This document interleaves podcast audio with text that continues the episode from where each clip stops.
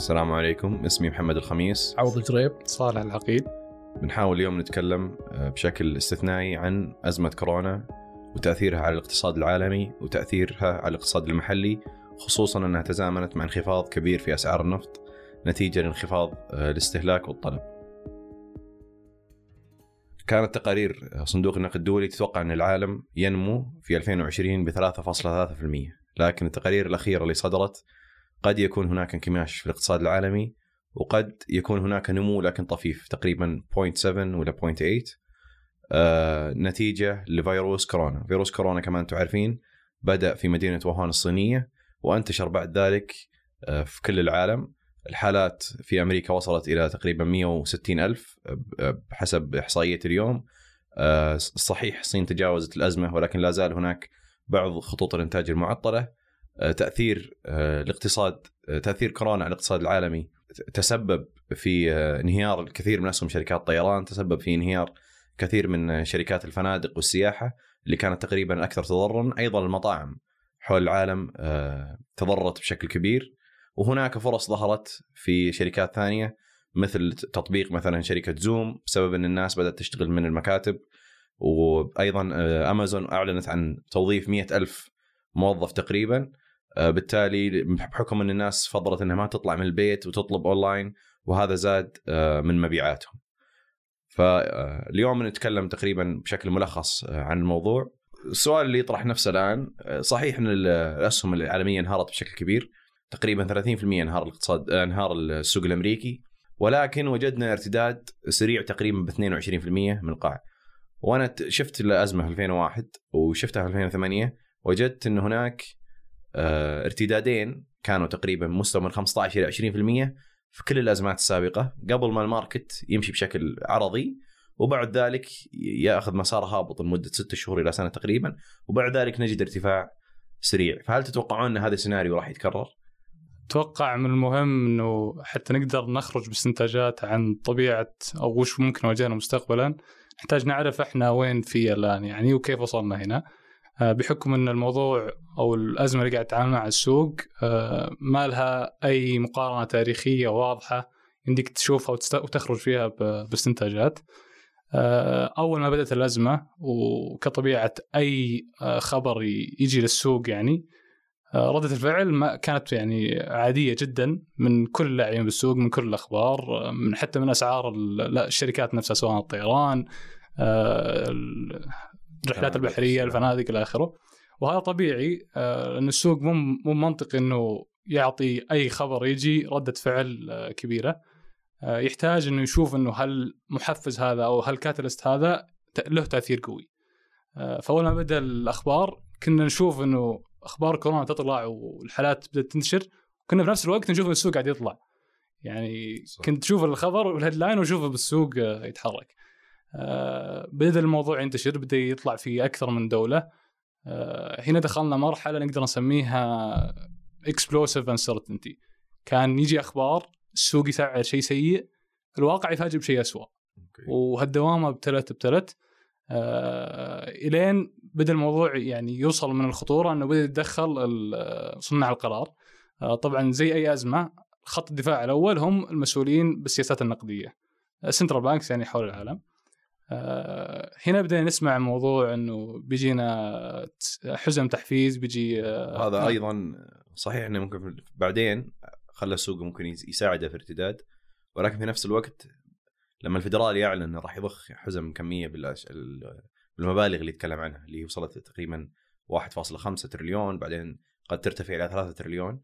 شعروا الناس إنه فعلا في أزمة خطيرة. يعني الفدرالي ما راح يضخ هذه المبالغ في السوق إلا ومتوقع إنه يصير فيه يعني destruction كبير لعملية العرض والطلب في السوق. بالضبط. وحتى أول ما أعلنوا القص الكبير التاريخي في ذاك الوقت اللي هو 50 نقطة آه، مئوية ارتفع السوق شوي وبعدين كمل كمل نزول.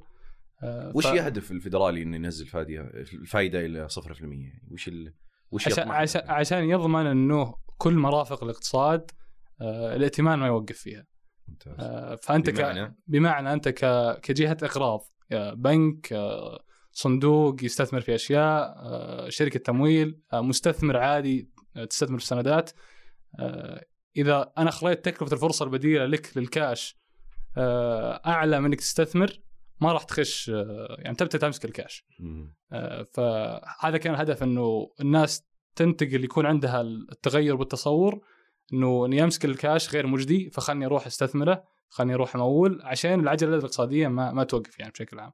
سمعنا أيضا إن حتى الفدرالي وصل لمرحلة إنه بيشتري في ال ETF حقت السندات مباشرة يعني من السوق. المركزي الياباني الصيني أعلن اسف البنك المركزي الياباني أعلن عن مضاعفة عملية شراء الإندكس اللي سوق الأسهم الياباني. من 50 مليار دولار أو من من 56 مليار دولار إلى 112 مليار دولار تقريبا. فهل تتوقع إن الفدرالي والسؤال العوض إنه ممكن يقوم عمليات مشابهة إنه يتدخل في السوق الأمريكي بشكل مباشر ولا تستبعد هذا الشيء؟ مثل ما قال صالح الاختلاف اللي اليوم نواجهه إن ال- الأزمة مي بجاية من market forces زي 2008 بدأت من ال financial industry ولا 2000 لما بدأت من ال dot-com bubble.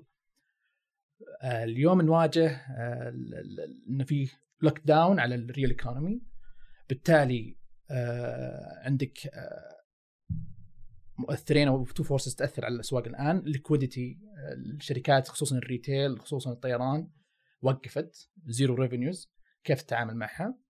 آه هذه ال force اللي هي أهم force معني فيها ال central banks لذلك الخطوات اللي سووها أكبر من أي خطوة سووها مرة واحدة بالتاريخ حتى ب 2008 حتى بالأزمة اللي صارت. آه بدأ الفدرالي أول شيء زي ما قال صالح بال emergency rate cut نص بالمية.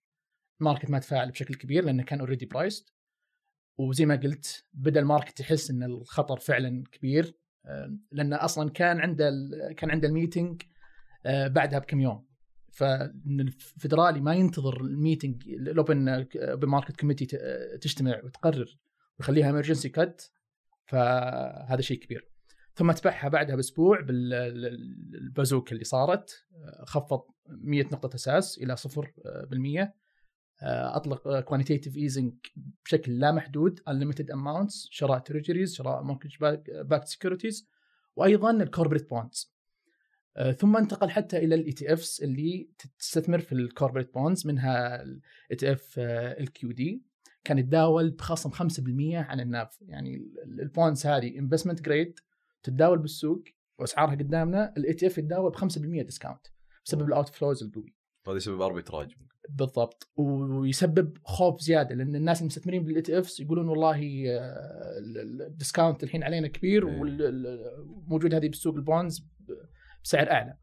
فعشان يوقف ال outflows بدأ يشتري في ال ETFs بدأ يشتري في ال bonds بدأ يشتري في أي شيء له علاقة بال liquidity آخرها اليو اللي هي صارت أمس الخطوة اللي هي آه، FIMA foreign and international monetary authorities repo. سام اليوم مثلا. صار عندنا الآن shortage بالإيرادات صار عندنا shortage بالايرادات النفط وب... آه، وصار عندنا حاجة للدولار سامي وش احتياطاتها؟ آه، treasuries تبيعها بالسوق. كل ال central central banks بالعالم عشان يأخذون دولار يبيعون ال treasuries اللي عندهم بالسوق. فدرالي الآن يبغى يوقف هالشيء. يبغى يوقف ال- ال- البيع القوي بال يبغى يتجاوز مرحلة إنه بس. يأثر على أمريكا يبغى يأثر على. العالم كله ويمنع الأثر العالمي ينتقل لأمريكا فأطلق أمس ال facility هذه سام الآن تبين تبيعين لا تبيعين بالسوق تعالي عندي أنا أعطيك أدخل معكم repo agreement. repurchasing agreement أعطيني السندات اللي عندك أعطيك دولار ثم آه، أشتري بخصم. ثم أشتري أشتري بخصم بعدين آه، فهذه آخر خطوات اللي سووها آه، تقريبا ما عندهم أي limit ال monetary response فهذا الشيء معطي أريحية لل market. ثم دخلنا في ال fiscal stimulus اللي صار على الأسبوع الماضي اللي هي ال bill اللي 2 تريليون دولار. يعني مقارنة بال بال stimulus اللي صار بعهد أوباما بعد 2009 كان 800 مليار. فهي. هذه اللي صار من الفدرالي سياسة نقدية. نعم. الآن انتقل الموضوع بشكل أكبر إلى سياسة مالية. نعم. بحيث إن ال policy makers اللي هم السياسيين أو صناع السياسات يقدرون يقدمون إضا... شيء إضافي على الفلوس. مثل إنك مثلا. تشيل ال taxes وهذه شفناها موجوده احتمال إنهم يرسلون شيكات للاسر الأمريكية في بيوتهم وللعاطلين. بمعنى يقول لك يعني خذ الفلوس واصرف. يعني كما تعلمون الاقتصاد العالمي الاقتصاد الأمريكي يعتمد 75% على الاستهلاك. بالتالي توقف الاستهلاك يعني توقف جزء كبير من الاقتصاد الأمريكي. فتخيل إن 75% من الاقتصاد الأمريكي يتوقف لمدة شهرين. هذه يعني تعتبر كارثة على العالم لأن الاقتصاد الأمريكي يستهلك 14 تريليون دولار تقريبا. استهلاك العالمي كله ما يتجاوز ال 40 تريليون تقريبا 50 تريليون. فبالتالي أنت تتكلم عن ربع الاستهلاك العالمي تقريبا تعطل لمدة شهر أو شهر ونص. ولذلك كانت ولذلك ترامب تأخر في إجراءات ال- الوقاية من الفيروس لأنه يدري إن مآلات توقف الاقتصاد الأمريكي وعجلة الاستهلاك الأمريكية بتاثر على الاقتصاد الأمريكي قد تكون لفترات طويلة.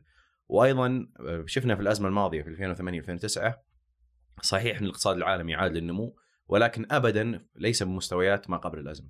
يعني قبل الأزمة كان في دول كثير من الدول النامية ومن الاقتصادات ال- ال- العالمية كانت تنمو بمعدلات 7 و8 و9%. بعد الأزمة صحيح إنها استمرت استمر النمو لمدة 10 سنوات تقريبا ولكنه كان أقل نمو آه، تقريبا واجه واجه العالم رغم إنه كان نمو سستينب بمعنى إنه طويل الأمد. الآن 2008 لما صارت الأزمة والسؤال لكم كانت معدلات الفائده تقريبا 4 أو 5% ونزل الفدرالي الفائده للصفر. الآن جت وكانت الديون في الاقتصاد العالمي لا تتجاوز ال 100% تقريبا 80% من الاقتصاد العالمي. الآن الأزمة جت والديون تقريبا 230% من الاقتصاد العالمي.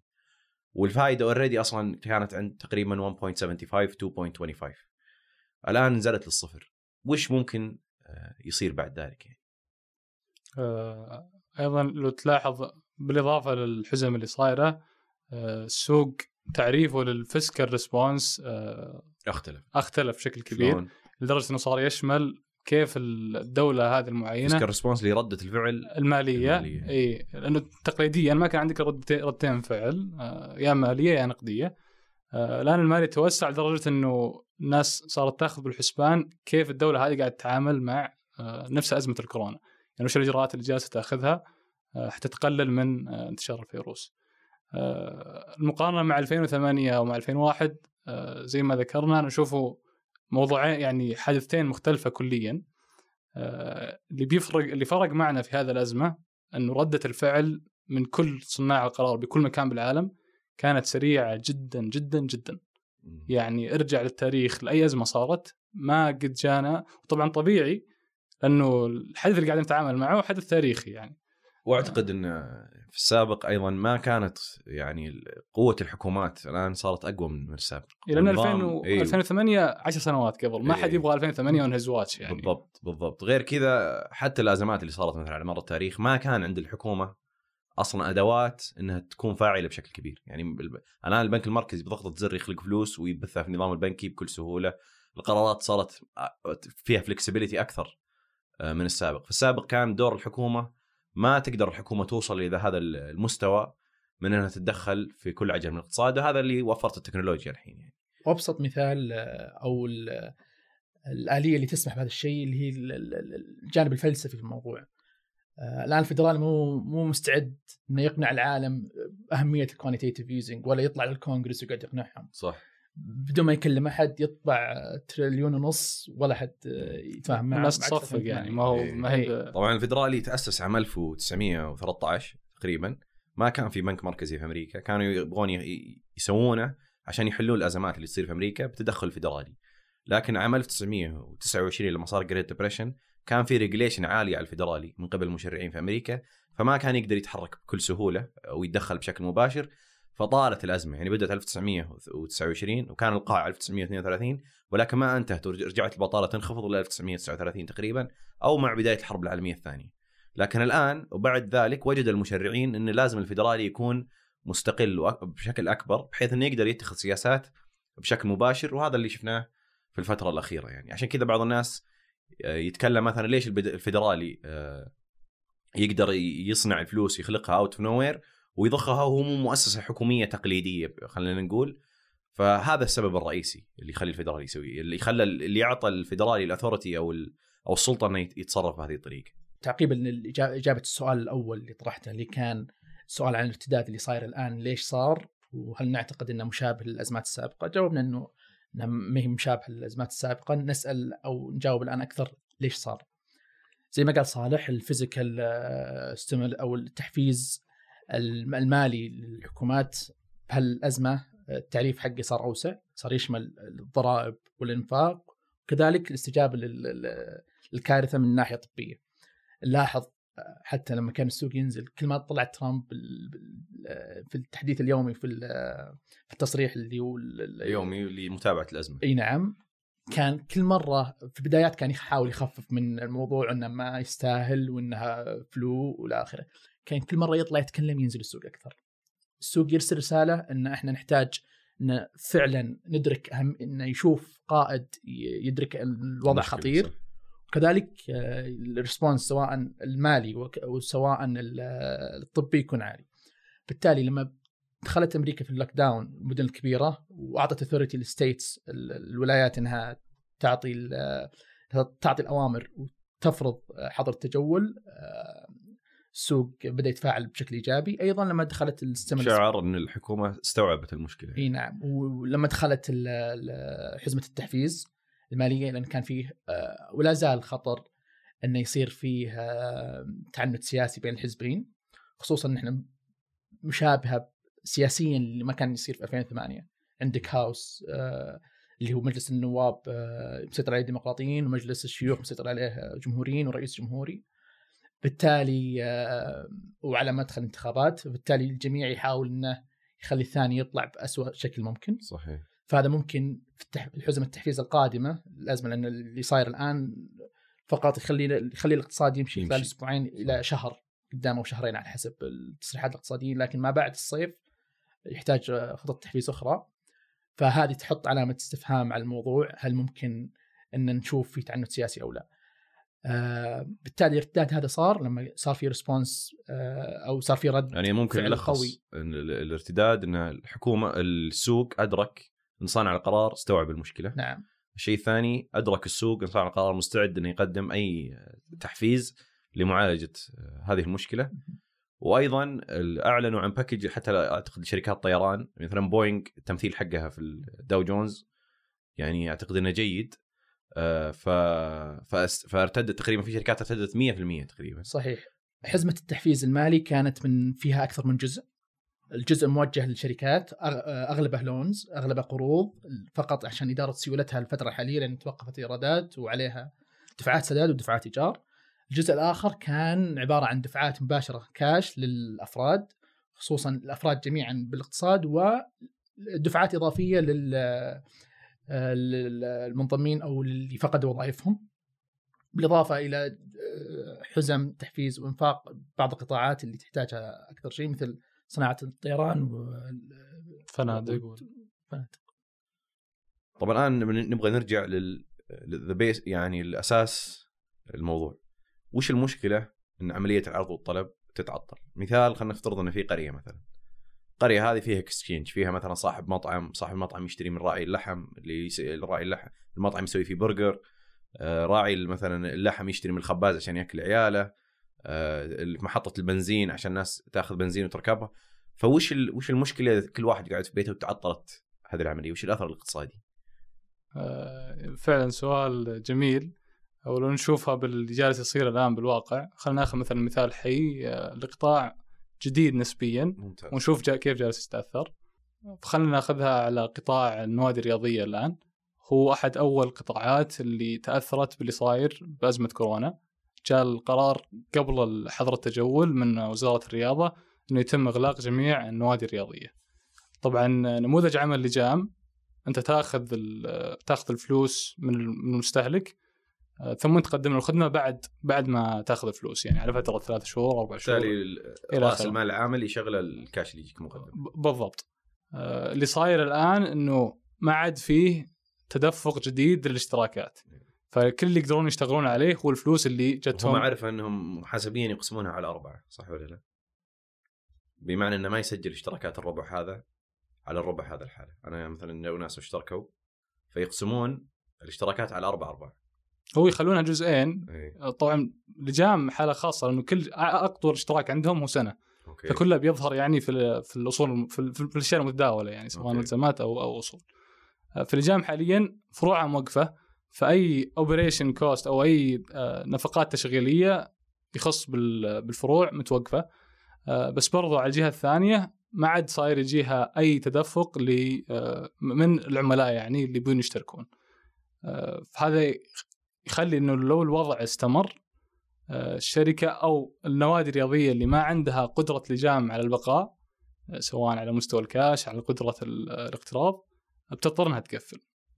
آه، لأنه الآن معناته إنه لجام صحيح إنه مضر جزئيا لكن قد يكون مستفيد مستقبلا بحكم إن كثير من اللاعبين الصغار في السوق آه، قد إنهم يطلعون من السوق بسبب الأزمة يعني وتوقف ال cash flow اللي عنده لأن لما يتوقف الكاش عند الشركة الشركة ما عاد تقدر تدفع الرواتب حق الموظفين لأن تكاليف الرواتب بالضبط. ثابتة. وهذا من أسباب آه، الضغط على آه، الأسواق التمويل القصير. كل الشركات الآن توقف عندها آه، التدفقات النقدية والإيرادات. ولا زالت تدفع الرواتب لا زالت تدفع إيجارات ودفعات السداد القروض الطويلة. بالتالي تلجأ للأسواق التمويل القصير الأمد وهي أول سوق لو نلاحظ بالعالم آه، خصوصا أمريكا هو أول سوق تفاعل سلبا مع السوق. حتى قبل أسواق أسواق الأسهم والأسواق الأخرى. آه، لأن الضغط كان شديد على ال على ال على أو الطلب كان شديد على على التمويل. بالمقابل ما كان في أحد مستعد أو متحمس إنه يقرض الشركات اللي موقفة آه، عمليات صح الريسك صار مرتفع جدا يعني. طيب وش تتوقعون ممكن يكون الأثر على الاقتصاد السعودي يعني جراء الكورونا؟ يعني أنا عندي وجهة نظر إن الاقتصاد السعودي يعتمد تقريبا شبه شبه كلي على النفط. هو المورد الأساسي أو هو تقريبا شريان الحياة للاقتصاد وما ولا يعني مواصير البترول اللي حقت أرامكو ما توقفت عن الإنتاج والتصدير. ما زالت تصدر وتنتج مثل السابق ولا كأن في أزمة كورونا. وأعتقد إن تأثير آه، توقف الاقتصاد أقل بكثير من توقف استمرار إنتاج النفط.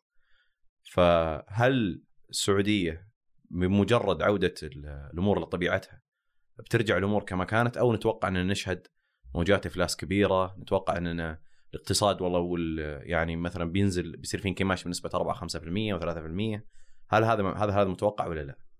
الوضع بالسعودية يقوم على عاملين رئيسيين آه، نفترض أنك تملك آه، الكرة السحرية وقدرت تشوف إيش بيصير آه، بموضوع كورونا يبقى متغير ثاني يوازيه بالأهمية أو حتى أكبر منه اللي هو وش صاير بأسواق البترول. آه، السعودية ردة فعلها كانت الكورونا جدا ممتازة من أوائل الدول اللي أخذت إجراءات احترازية قوية آه، كان في ذاك الوقت يعني كان ممكن التصور اللي عند كثير من الناس إنه ليش في كل هذا في هذا الحذر بس المستقبل آه، يعني أثبت إنهم كانوا كان وجهة نظرهم باللي صاير بالفيروس سليمة. وأنا أعتقد إن حتى لو تجاوزنا أزمة كورونا ستبقى مشكله أسعار النفط. بالضبط. كما تعرفون أسعار النفط كانت مرتفعة من 2000 وتقريبا آه، نهاية 2009 أو 2000 أو بداية 2010 إلى تقريبا 2014 بعد ذلك نزلت أسعار النفط من مستويات 100 دولار إلى تقريبا وصلت 25 أو 26 دولار. هذا سبب إن الدولة آه، مصروفاتها كانت عالية فاضطرت إنها تقوم بعدد كبير من الإصلاحات حتى تحافظ على عملائها المالية. ومن من رحم ذلك ظهرت رؤية 2030 آه، فاستعداد أعتقد إن استعداد آه، سوق السع- الاقتصاد السعودي انخفاض أسعار النفط الآن أفضل من استعدادها سابقا رغم إن الاحتياطي أنخفض. يعني لما بدأت الأزمة في 2014 كانت الديون تقريبا يعني 1% و2% الاحتياطي كان 750 مليار دولار ولكن ما نتوقع إن بنشهد آه، مثلا آه، خلينا نقول مثلا رفع ضريبة قيمة مضافة لأن ضريبة قيمة مضافة already اقرت وصار في إيرادات منها. رسوم العمالة تم إقرارها أصلا. فالإصلاحات اللي كان المفروض تتخذ اليوم لو ما اتخذناها already اتخذت هل نتوقع إنه يكون مثلا فيه مزيد من ال- العمليات التقشفيه؟ يعني سمعنا مثلا تقارير إنه ميزانيات الوزارات راح تنخفض 20%. هذا طبعا بيأثر على المناقصات والمشاريع وشركات المقاولات. سمعنا ان في بنوك الآن قد تكون منكشفة آه، على مثلا شركة مقاولات كبيرة. هذا قد يكون له أثر أيضا كبير غير عملية آه، كورونا اللي هي المؤقتة يعني. ولو تشوف ردة الفعل التحفيز أو حزم التحفيز اللي آه، جت من الحكومة السعودية ومؤسسة النقد آه، كان تركيزها الأعلى على أنه تتأكد أنه الكاش والسيولة ماشية في البلد. آه، فتشوف مثلا إعفاء من توريد ضريبة القيمة المضافة. تشوف إعفاء من موضوع الرسوم. إلى آخره. كلها كانت على رتم هذا أنها تركز تسهيلات بالتمويل. فكان التركيز الأكبر الواضح أنه يبقى شريان الاقتصاد آه، بالعمل. ايا كان التصور اللي عند الواحد كيف الاقتصاد السعودي يشتغل. تمام؟ طيب خلينا ناخذها قطاع قطاع. الآن عندنا في السوق من أكبر القطاعات قطاع ال petrochemical. قطاع ال petrochemical غالبا تنتج منه منتجات تكون مد- مدخل أو زي اللقيم لمنتجات أخرى لأن في بداية تقريبا ال value chain فلما يقل الاستهلاك المنتجات هذه اللي تطلع اللي أصلها من ال petrochemical أو من ال chemicals هذه راح يقل الطلب عليها. بالتالي الأسعار ال petrochemical الفترة الماضية نزلت بشكل خيالي. يعني في أسعار ما قد وصل ما قد نزلت لها في التاريخ. فوش تأثير ذلك تراه يعني على القطاع؟ مثل شركات مثل سابك مثل سبكيم مثل كيان التصنيع. أنا أشوف إذا تخرج بتصور عن قطاع ال petrochemical تحتاج تصور للمدخل الأساسي اللي اللي هو هو. اللي هو البترول.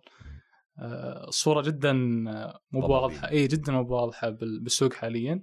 بس على المستوى ال- الكلي الكبير جدا يعني الصورة العامة آه، تقدر تطلع بافتراضات آه، نشوفها في المرحلة الحالية آه، منطقية.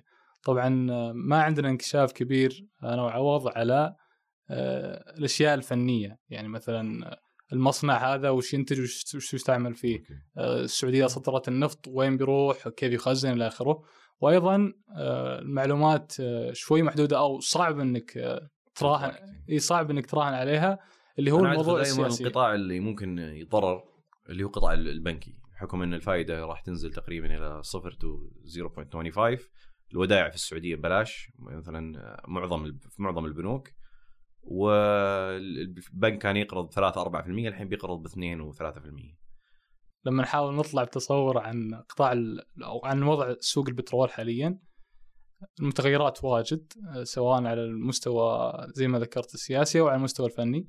بس بالصورة العامة جدا أتوقع إنه في ثلاث افتراضات رئيسية تسهل عليك آه، التصور اللي اللي ممكن تطلع له بسوق البترول. الموضوع ال- أو التصور الأول إن السعودية هي أكثر دولة كفاءة بالإنتاج بالعالم. آه، الموضوع الثاني أو النقطة الثانية برميل 4 دولار أياً كان، 7 دولار ايا كان إحنا نعرف إنه يعني أكثر. كفاءة من كل المنتجين والدول الباقية. الموضوع الثاني إن ما ما أحد يملك سيطرة على كل اللاعبين المنتجين بالسوق سواء على مستوى الدول أو سواء على مستوى الشركات في حالة الشير الأمريكي. ثلاثة وهذا شيء مشاهد ولاحظناه في أسواق النفط خلال الاربع سنوات الماضية التدخل كل ما له تاثيره يقل. يعني حزمة خفض الإنتاج اللي صارت ب 2016 كان تأثيرها كبير على البترول.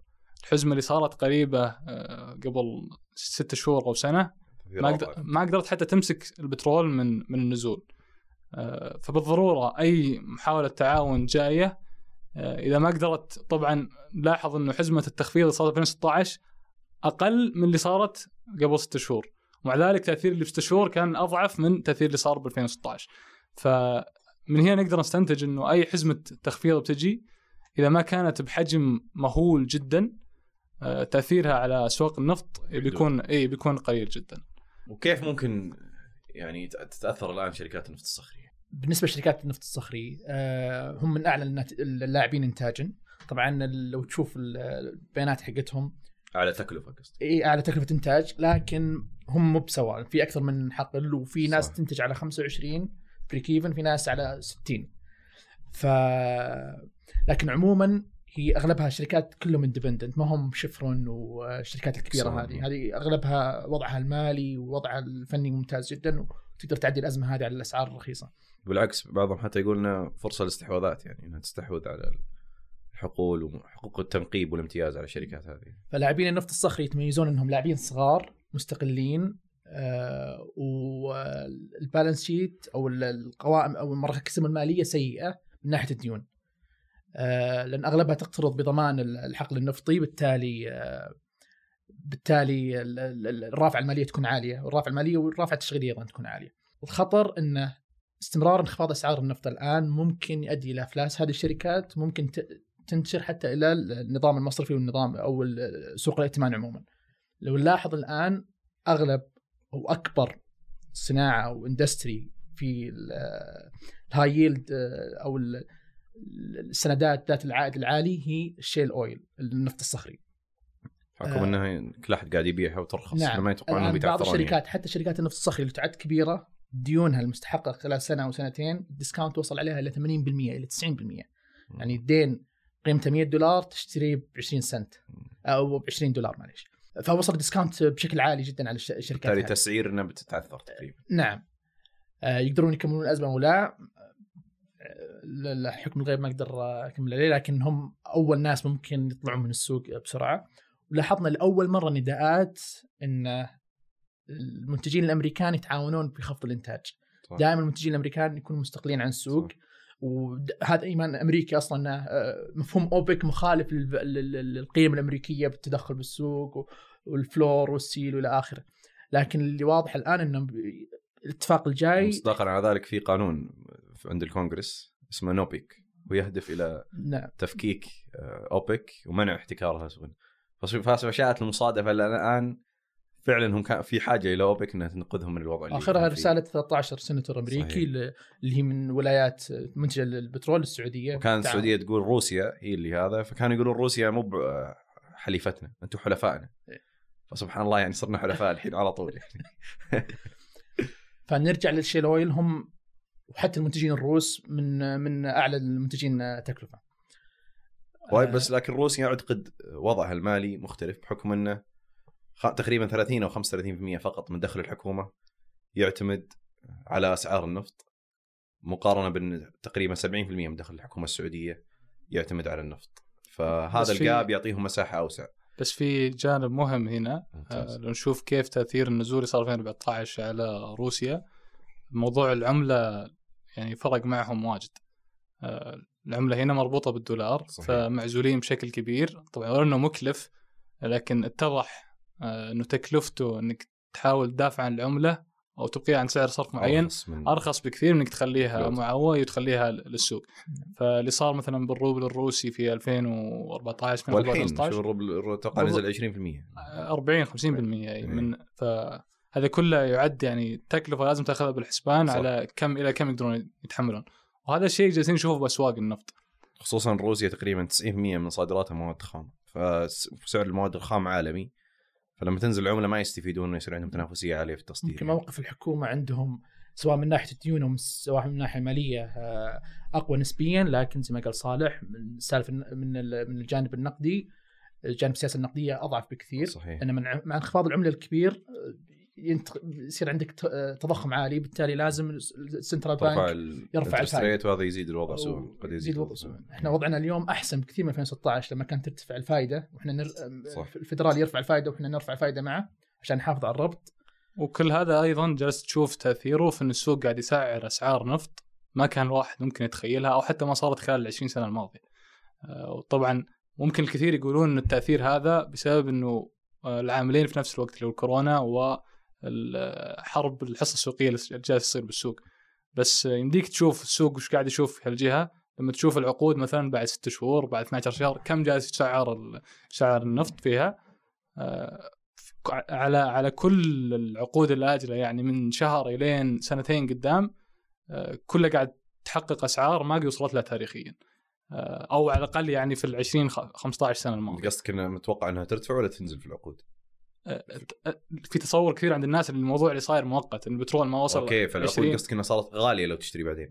لا إنه إنه حتى العقود اللي تسليمها بعد سنتين تأثرت في السعر وصلت مستويات. آه متدنية. اي متدنية. okay. هذا يعكس نظر وجهة نظر السوق إن الوضع ما هو مؤقت. آه دا قد يكون داعم. اي شوف مدى استراتيجية- ادهم اي شوف استراتيجية أي، فهمت. السعودية وإنه آه، الاستراتيجية هذه ما هو آه، ردة فعل آه، أو تهديد غير آه، لا هذه استراتيجية طويلة المدى يعتبر. نعم أو أو بشكل آخر تهديد جاد إن ال- ال- الجميل في السوق إنه يعكس كل المعلومات فهو أعتقد سوق الأسهم وسوق السندات بشكل عام أك أكثر سوق ديمقراطية في العالم.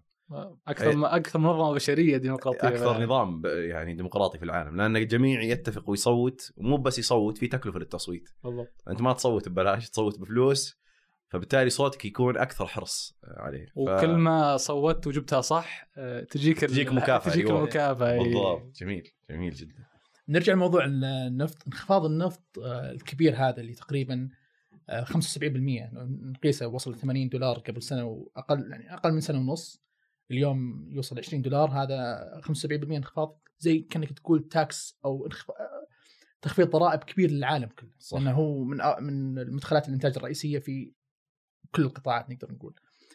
فهذا من جانب يحفز الطلب أو يسمح ال- إن ال- ال- الهبوط أو ال- الضربة الازمه تكون الهبوط آه، آمن أكثر من يكون هبوط حاد وقوي لكن من جانب آخر يخلي منتجين النفط وشركات النفط آه، تأجل استثمارها أو ما تتحمس أو ما تتحفز أو ما تقدر حتى تقترض للاستثمار. فكأنها يعني سبسدي ولا دعم من المنتجين إلى إلى المستو... إلى المستهلكين. المستهلكين. المستهلكين. أعتقد تكلمنا عن النفط بشكل جيد لكن ما تكلمنا عن تأثيره على الاقتصاد السعودي بشكل كبير يعني. ما هو تأثير انخفاض أسعار النفط على الاقتصاد السعودي؟ طيب أول شيء خلنا عندنا آه، حالة صارت قبل وقت قريب نسبيا اللي هي 2016 وش كان وضع الحكومة؟ وضع الاقتصاد بوقتها وش وضعنا اليوم؟ وضعنا نسبيا أفضل آه، على أن الاحتياطات النقدية السام احتياطات آه، أو آه، السامة الخارجية أقل ونسبة الدين عندنا أعلى لكن آه، عندك أول شيء آه، في سياسة الآن واضحة طبعا نسبة الدين. كانت 2% ب إي نعم. 2014 ال- ال- الاحتياطي كان تقريبا 800 مليار الآن الاحتياطي. تقريبا 500 مليار والديون تقريبا 30% إي نعم اليوم عندك مكتب إدارة دين يقدر في يوم وليلة يصدر ديون سندات. وقتها ما كان عندك أي facility تقدر تخلص أو تاخذ تمويل بسرعة.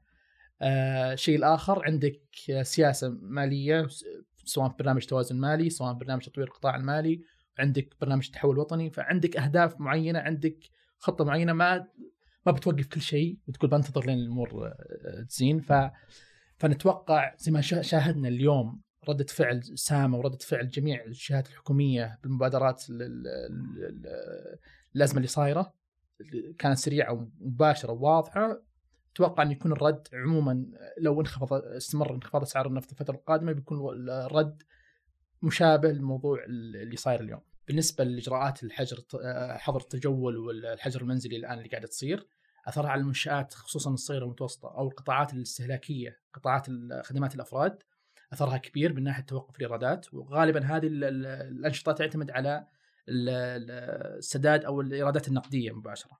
عندهم ثلاث آه، وشلون يعني الإيرادات النقدية المباشره؟ آه، لما انت تروح تشتري من المطعم ما راح تقول له بدفع لك بالآجل لما تروح ممتاز. تشتري من مو زي مثلا مصنع لما يستورد إي نعم. مواد خام أغلب ال- ال- الشركات الكبيرة دفعاتها تكون بالآجل. آه، كريدت ما. بالآجل إي نعم وهم في نفس الوقت عندهم مصروف الرواتب وعندهم مصروف أو دفعات ال- القروض وهذا أهم شيء لأنه إذا ما قروض. تعثر وفلاس البنوك. وكذلك دفعات ال- الإيجار. نجي الآن كيف تدخلت الحكومة وتدخلت تدخل البنك المركزي سامه في الموضوع هذا كان أول برنامج وأقوى برنامج وأجرى برنامج اللي هو برنامج تأجيل الدفعات وبرنامج ال- الأقراض من أجل التمويل برنامج آه، اللي هو قيمته 50 مليار إي نعم ورسوم وتاجيل رسوم نقاط ال- البيع. هذا هذا البرنامج يعفي الشركات أو المنشآت الصغيرة والمتوسطه من هذا ال risk اللي هو risk إنها ما تقدر تسدد قروضها. من الآن إلى ثلاثة ست شهور. نجي لموضوع الرواتب الآن. أغلب الشركات أعطت موظفينها إجازة بدون رواتب. آه، موضوع الإيجارات عادة يكون في تنا... في تفاوض مع المؤجر. وأنا أتوقع إن أغلب المؤجرين بي- بيضطروا. إنهم إي نعم. يعفون شهرين. سواء يعني حتى لو ما يطلع حتى لو ما طلع قرار إلزامي. إي نعم. فإجراءات سامة الجديدة اليوم أو السياسات النقدية اللي قاعدة تتخذها سياسات جريئة وما صارت في السابق. بالتالي لو ساء الوضع زيادة نقدر نتوقع إجراءات مشابهة وأقوى. فأعتقد إن الأثر ما بيكون كبير على الشركات هذه من ناحية إدارة السيولة من ناحية هل الإيرادات حقتها بترجع بعد انتهاء الأزمة زي ما كانت أول. أو هل طبعا لازم مهم نذكر إن لكن رغم الاجراءات ال 50 مليار هذه لا تزال المنشآت الصغيره والمتوسطه اللي عندها قروض أصلا فاسيلتي كريدت مع البنوك قليلة جدا. بالتالي في الأغلبية العظمى من المنشات الصغيره والمتوسطه أنا أتوقع أنها بتواجه مشاكل كبيرة جدا. اللي عنده كريدت مع البنك قد يكون مستفيد مستفيد من فترة الإعفاء هذه. لكن البقية كمثال مثلا شخص عنده منشأة صغيرة فيها 50 ولا 100 موظف ال 50 100 موظف هذول عندهم رواتب هو اوريدي أصلا عنده مثلا مبالغ بيسلمها المصنع مثلا في الصين المفروض يستلم البضاعة ويعني عنده استحقاقات سداد المفروض يدفعها. مع ذلك كلها بتتوقف فجأة. فأنا أعتقد إن هذه قد تؤثر بشكل كبير على المنشات الصغيره والمتوسطه على الأقل الآن إحنا لسنا في مرحلة إن المنشات الصغيره والمتوسطه والله هل بتنتعش ولا ما بتنتعش. لكن في مرحلة هل في منش... هل المنشات الصغيرة هذه قادرة على البقاء والاستمرار في السوق أم ليست قادرة على البقاء والاستمرار في السوق؟ لو تشوف التركيز اللي صاير برضو في ال- في الحزم كان فيه آه، تركيز كبير جدا على موضوع تمويل رأس المال العامل. فمن ضمن الحزم طبعا جاية من جهات كثيرة ومن صناديق كثيرة بس كان في تركيز واضح على إنه أنا أتفق معك ولكن أعتقد إن المشكلة إن إن الب- البنوك أصلا عشان تعطيك قرض في السعودية الموضوع ياخذ وقت طويل جدا. خصوصا ان معظم هذه الشركات أو كثير منها ما عنده قوائم مالية مثلا مدققة عشان البنك أصلا يقبل إنه يعطيه ال- ال- الكريدت هذا. فبعض الإجراءات تأخذ عشان الشركة تأخذ قرض من شهرين إلى ثلاث شهور والاقتصاد ينمو 6 7% في إنه في أفضل حالاتنا. ما بالك إن الشركات متوقع إنها تتعثر خصوصا نسب القروض الغير عاملة في السعودية للمنشآت الصغيره المتوسطه يعني بشكل عام 2% تقريبا تعثر لكن المنشآت الصغيره المتوسطة في بعض البنوك وصلت ل 14% فمع الأزمة الحالية النسب هذه راح ترتفع آه، بشكل كبير وبالتالي أنا أتوقع أن هذا أفضل وقت للمستثمرين اللي يبغون يدخلون مع شركات صغيرة متوسطة بحكم أنهم يقدرون يأخذونها بديسكاونت جدا عالي. آه، أيضا هذا أفضل وقت للشركات الصغيره المتوسطه أنها تأخذ تمويل لأن كثير من الشركات الصغيرة المتوسطة راح تط- تطلع من السوق والشركات اللي أخذت تمويل راح تأكل حصص الشركات الأخرى.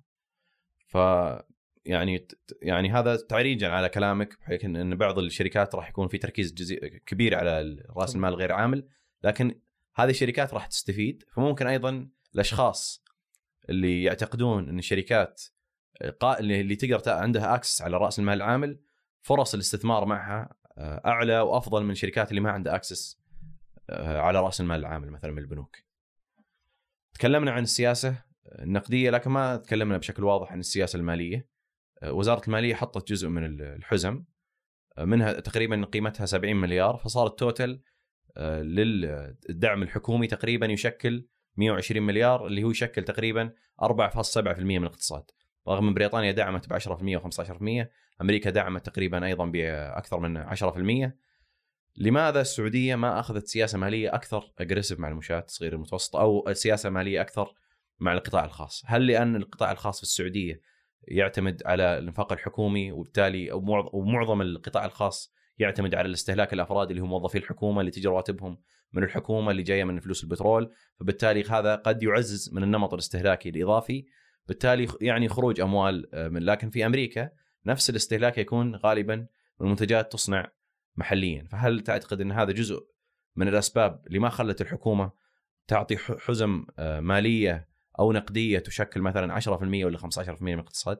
طبعا أنت في مرحلة مثل هذه لازم تفاضل أكيد إنه بيكون في ناس تموت وبيكون في ناس تعيش. آه، المرونة اللي عند المملكة واي دولة رابطة عملتها بعملة ثانية ما هو زي المرونة عند دولة مثلا هي أصلا عملة احتياط العالم. صحيح. آه، فأمريكا تقدر زي ما ذكرنا في أول ال- الحديث إنه من الهواء تطبع فلوس. أنا أعتقد حتى غير أمريكا. على سبيل المثال أضرب مثال الإمارات. خصوصا دبي تعهدت تقريبا فوق ال 100 مليار ريال. ليه؟ لأن أعتقد إن قطاع حقها يعني يعتمد بشكل كبير على السياحة وقطاع متنوع بالتالي أي انفاقات وإعفاءات تنعكس بشكل مباشر على الاقتصاد وما تنعكس بشكل مباشر على الاستهلاك يعني. فقد يكون هذا أيضا جزء من من الأسباب بحكم إن هيكلة الاقتصاد السعودي آه، مختلفة تقريبا عن هيكلة الاقتصادات اللي قاعدتها الإنتاجية قد تكون متنوعة يعني. في الجانب هذا طبعا آه، بس لما تتخذ أي قرار لازم تحط بعين الاعتبار موضوع إنه الريال مربوط بالدولار. صحيح. وهذا بي يعني حتى عليك تكاليف كثير بس برضو بيحميك من من أشياء طبعا كثير. توضيح لبعض المستمعين ربط الريال بالدولار يعني مؤسسة النقد تتعهد بتبديل كل دولار ب 3 ريال فاصلة 75 هلله فاذا صار في نقص في الدولارات في السوق تدخل تشتري صار في فائض في هذا تدخل تبيع. هذا بشكل عام لكن ودنا ناخذها على قطاعات. نجي مثلا للقطاع البنكي. الأثر على البنوك البنوك سلعتها قروض وسعر السلعة هي آه، اللي هي أسعار الفائده. أسعار الفائده في بعد التخفيض الفدرالي إلى 0% انخفضت عندنا آه، أو سامة خفضت مع مع التخفيض الفدرالي انخفض سعر تكلفة الاقتراض بين البنوك السايبر ثلاثة شهور إلى ما دون 1% بردة فعل مع مع انخفاض أسعار الفائده بالعالم لكن بدأ يرجع مرة ثانية لل- للارتفاع مع وجود الآن أو بدأ السوق يسعر مخاطر سيولة لما تنخفض أسعار النفط زيادة عندك الآن عامل اللي هو الحكومة تقترض أكثر غالب اقتراض الحكومة يكون داخلي وجزء منه آه، في الأسواق العالمية بالتالي الحكومة تضغط على سيولة البنوك وعلى الك- قدرته الاقتر- الأقراضية بالتالي على آه، سيولة الريال بين البنوك وهذا آه، عاد تكلفة ارتفاع. أو عاد ارتفاع السايبر إلى فوق 1.3%. الجانب الآخر مخاطر الافلاسات زي ما قلت سواء آه، سواء تعثر الشركات الكبيره عن السداد أو الشركات الصغيرة عن السداد مع الشركات الأكبر عندها مراكزها الماليه شركات المقاولات. نعم مراكزها المالية أفضل لكن في بعض القطاعات زي ما ذكرت المقاولات آه، مركزها المالي آه، أضعف. أما فيما يخص قطاع الريتيل اللي هو التجزئة شفنا إن شركة الشايع خفضت عملياتها التشغيلية ب 95% تقريبا متوقف وهي شركة عملاقة عندها تقريبا 60 ألف موظف. شركات يا صالح مثل شركات فواز الحكير شركة آه، مثلا آه، جرير جرير إكسترا اكسترا وش نتوقع لها؟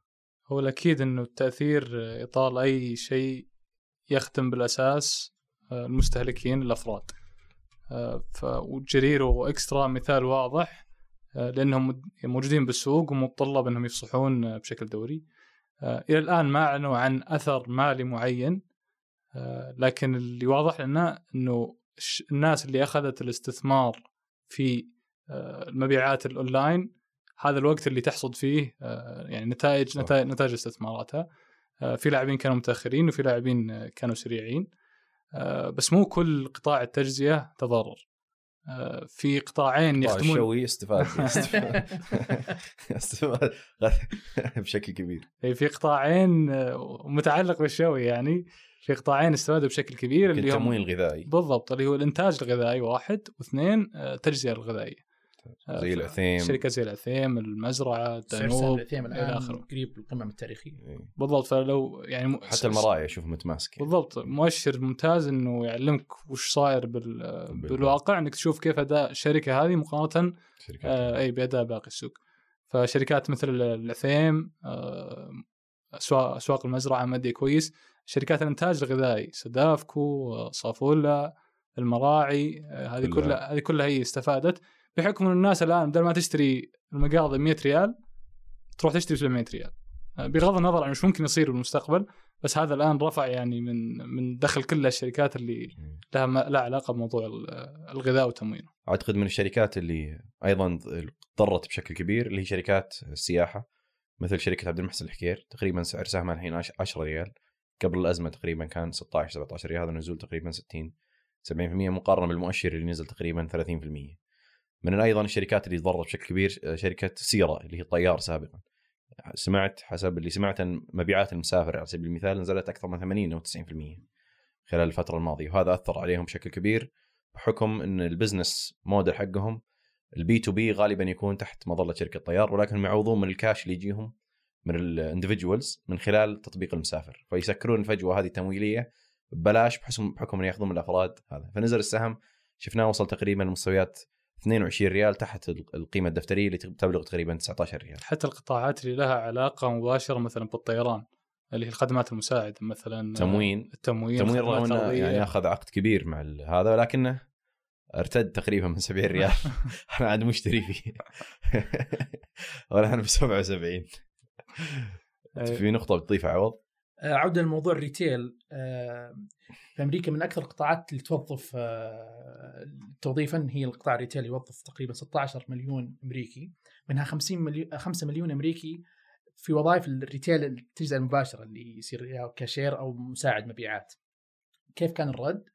الحكومة آه، حاولت إنها تخلي الشركات ما تسرح موظفينها إنما تعطيهم يسمونه furlough اللي هو تسريح بدون راتب لكن يبقى التأمين الصحي قائم. بالمقابل الحكومة آه، دفعت لهم ال- ال- اللي هي المدفوعات مدفوعات البطالة وزادتها أكثر من 600 دولار بالأسبوع تقريبا. يجي 15 دولار بالساعة. في بعض الولايات صار راتبه وهو قاعد في البيت مع الحجر. اعلى من اعلى من هو راتبه في المتجر. فإذا استمر الوضع عندنا في السعودية عودة للسعودية إذا استمر الوضع بالتجزئة خصوصا في زي الحكير وال- جرير والجرير ساكو.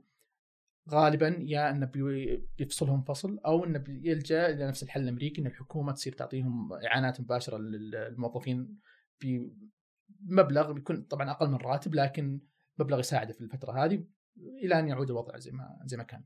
قطاع ال health care كثير تجينا أسئلة هل القطاع الآن مستفيد أم متضرر؟ يعني معظم الأموال تجي مثلا للمستشفيات أو ال margin فيها عالي هامش الربحية فيها عالي غالبا تكون في العمليات ولكن الآن العمليات تقريبا شبه متوقفة. ال- ال- ال- العيادات الدورية أو الكشفيات الدورية الطبيعية اللي مثلا شخص يروح يكشف هذه متوقفة. ط- غالبا الناس تتجنب إنها تروح المستشفى في الوقت الحالي. ولكن في نفس الوقت الازمه اللي يمر فيها أزمة صحية المفروض ترفع الطلب على القطاع الصحي. فهل تعتقدون إنه مستفيد أم متضرر في الوقت الحالي؟ زي ما قلت ال- كل ال- كل العاملين هذا يتجهون اتجاه عكسي. نلاحظ حتى بأسعار الاسهم مثل أسعار سهم مستشفى الحبيب والمواساه وحتى دلة متماسكة أسعارها نسبيا مقارنة بالسوق.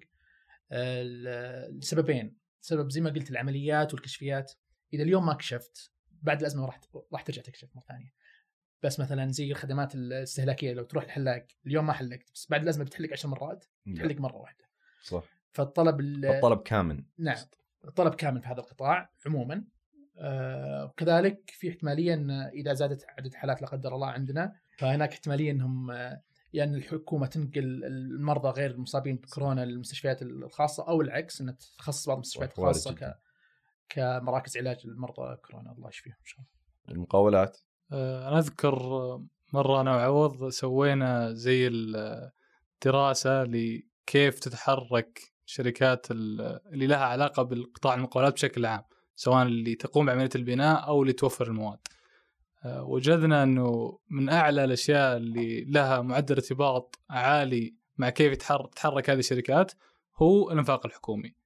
آه، فلما سوينا لاق للإنفاق الحكومي وخلينا ال- الأسعار يعني بعد 12 شهر اتضح لنا إنها مؤشر جيد لكيف السوق جالس يتوقع الانفاق الحكومي بيصير خلال 12 شهر من الجاي أداء شركات من. أداء شركات المقاولات وكل ما يتعلق فيها سواء من من بداية سلسلة البناء يعني الاسمنتات وهذولي لين نهاية ب.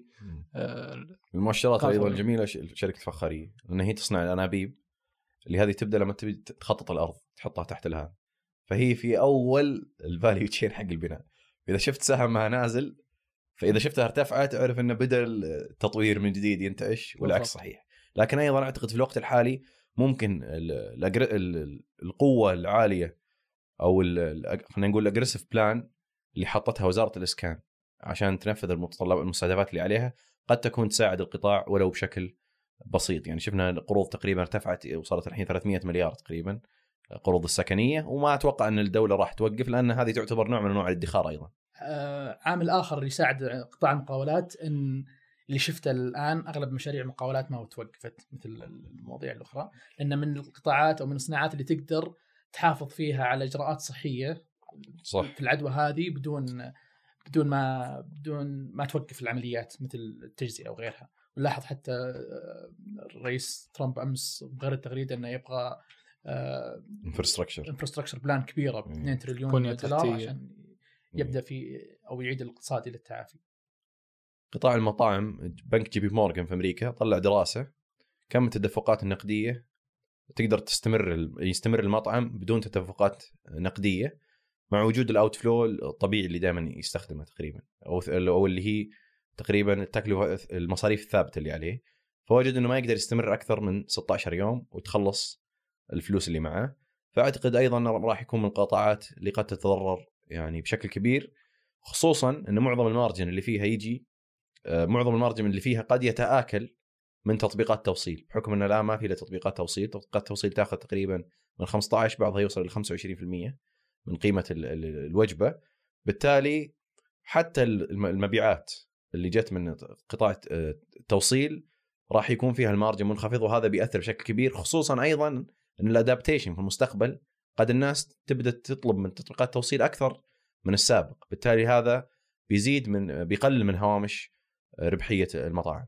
كورونا غير كثير من الماطنه الاستهلاكية والسلوكية ونظرتنا أصلا للامور اختلفت تماما وحتى بدأت تطرح أسئلة عن العولمة عن الاتحاد الأوروبي عن قوة الحكومات الغربية مقارنة بالحكومات الشرقية قوة الأنظمة الديمقراطية مقارنة بالأنظمة اللي فيها سنتراليزيشن عالي.